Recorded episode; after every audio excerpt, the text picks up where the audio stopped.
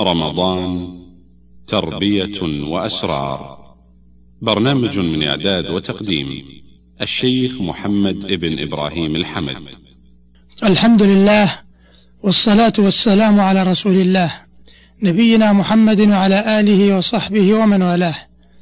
أيها الصائمون الكرام سلام الله عليكم ورحمته وبركاته. أما بعد فإن شهر رمضان شهر البر والصلة وشهر التعاطف والمرحمة فالقلوب تلين لذكر الله والنفوس تستجيب لداعي الله فلا ترى من جراء ذلك إلا أعمالا زاكيات وقربا من رب الأرض والسماوات. ولعل الحديث في هذه الحلقة يدور حول صلة الرحم وفضلها والأمور المعينة عليها. لعل نفوسنا تنبعث إلى الصلة وإلى مزيد منها وتقصر عن القطيعة وتنأى عن أسبابها. أيها المستمعون الكرام لقد تظاهرت نصوص الشرع في عظم شأن الصلة وفضلها والتحذير من قطيعتها. قال الله تبارك وتعالى واتقوا الله الذي تساءلون به والأرحام وقال عز وجل فهل عسيتم إن توليتم أن تفسدوا في الأرض وتقطعوا أرحامكم أولئك الذين لعنهم الله فأصمهم وأعمى أبصارهم. وقال النبي عليه الصلاة والسلام لا يدخل الجنة قاطع. رواه البخاري ومسلم. وقال سفيان في روايته يعني قاطع رحم.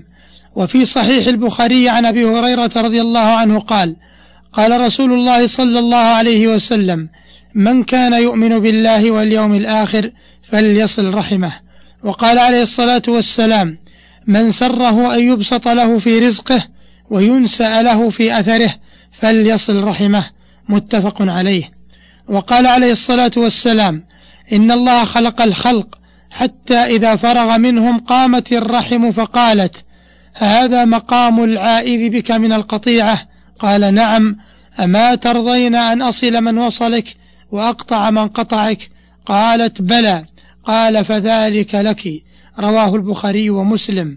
وهكذا يتبين لنا عظم شأن الصلة وأنها شعار الإيمان بالله واليوم الآخر وأنها سبب في بسط الرزق وطول العمر وأنها تجلب صلة الله للواصل. ثم إنها من أعظم أسباب دخول الجنة وهي من أسباب تيسير الحساب وتكفير الذنوب وتعمير الديار ودفع ميتة السوء. وهي مما اتفقت عليه الشرائع السماوية وأقرته الفطر السوية كما أنها دليل على كرم النفس وسعة الأفق وطيب المنبت وحسن الوفاء. وصلة الرحم مدعاة لرفعة الواصل وسبب للذكر الجميل وموجبة لشيوع المحبة وعزة المتواصلين. أيها المستمعون الكرام صلة الأرحام ضد القطيعة.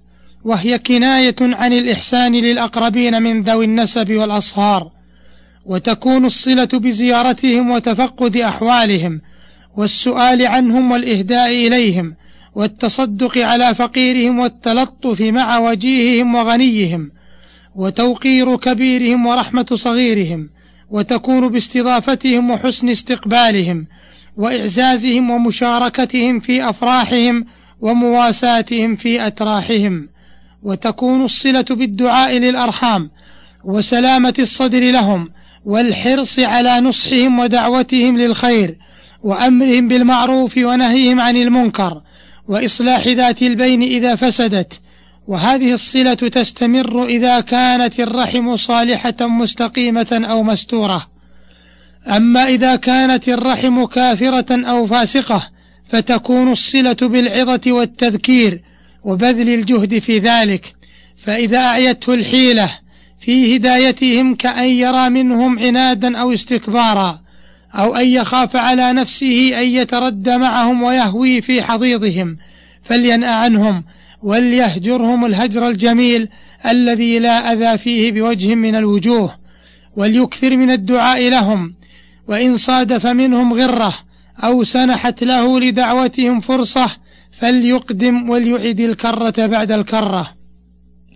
أيها المستمعون الكرام ومع عظم شأن الصلة إلا أن كثيرا من الناس مضيعون لهذا الحق مفرطون فيه.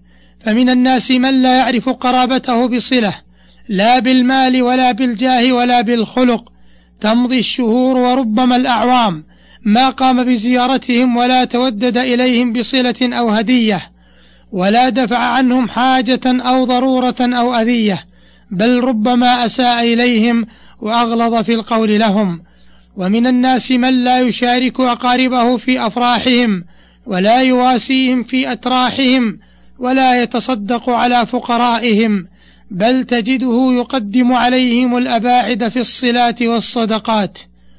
ومن الناس من يصل أقاربه إذا وصلوه ويقطعهم إنهم قطعوه. وهذا في الحقيقة ليس بواصل وإنما هو مكافئ للمعروف بمثله وهو حاصل للقريب وغيره والواصل حقيقة هو الذي يتقي الله في أقاربه فيصلهم لله سواء وصلوه أو قطعوه. ومن مظاهر القطيعة أن تجد بعض الناس ممن آتاه الله علما ودعوة يحرص على دعوة الأبعدين ويغفل أو يتغافل عن دعوة الأقربين وهذا لا ينبغي فالأقربون أولى بالمعروف قال الله عز وجل وأنذر عشيرتك الأقربين. وإذا أنعمنا النظر في أسباب القطيعة الأرحام وجدنا أنها تحدث لأسباب عديدة تحمل على القطيعة. فمن تلك الأسباب الجهل بعواقب القطيعة والجهل بفضائل الصلة ومنها ضعف التقوى والكبر. وبعض الناس إذا نال منصبا رفيعا أو حاز مكانة عالية أو كان تاجرا أو مشهورا تكبر على أقاربه وأنف من زيارتهم والتودد إليهم. ومن أسباب القطيعة الانقطاع الطويل الذي يقود إلى الوحشة واعتياد القطيعة ومنها العتاب الشديد.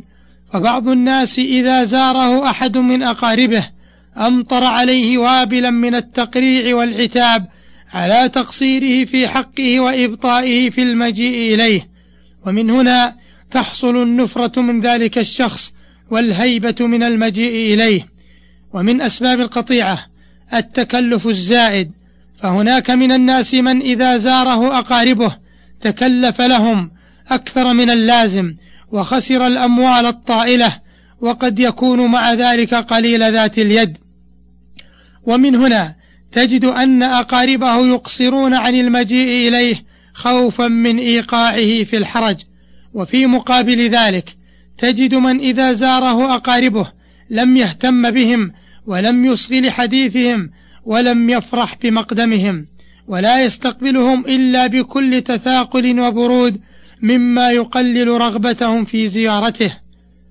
ومن الأسباب الحاملة على القطيعة الشح والبخل فمن الناس من إذا رزقه الله مالا أو جاها تهرب من أقاربه حتى لا يرهقوه بطلباتهم المتنوعة ومن أعظم أسباب القطيعة تأخير قسمة الميراث فقد يكون بين الأقارب ميراث لم يقسم إما تكاسلا منهم أو قلة وفاق فيما بينهم وكلما تأخر قسم الميراث شاعت العداوة وكثرت المشكلات وزاد سوء الظن وحلت القطيعة.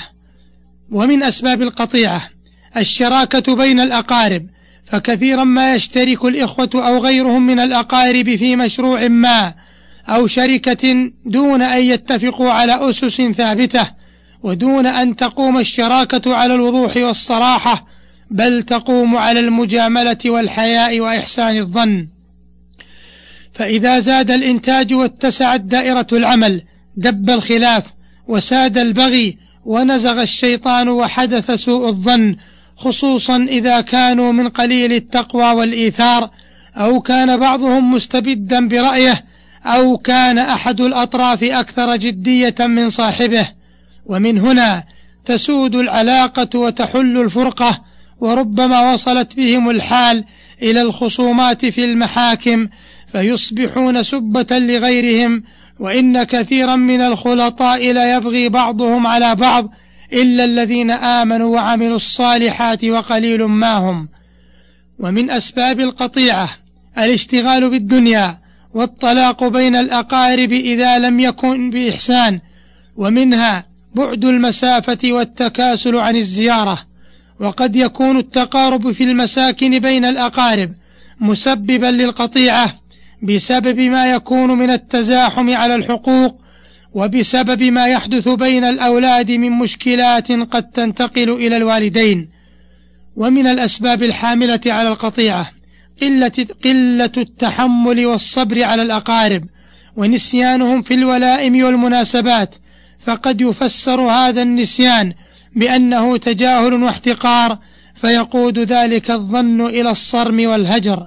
أيها المستمعون الكرام هذه بعض الأسباب التي تؤدي إلى قطيعة الأرحام وفي الحلقة القادمة إن شاء الله تعالى سيكون الحديث عن الأمور المعينة على الصلة فإلى ذلك الحين أستودعكم الله والسلام عليكم ورحمة الله وبركاته. تم تنزيل هذه المادة من موقع نداء الإسلام www.islam-call.com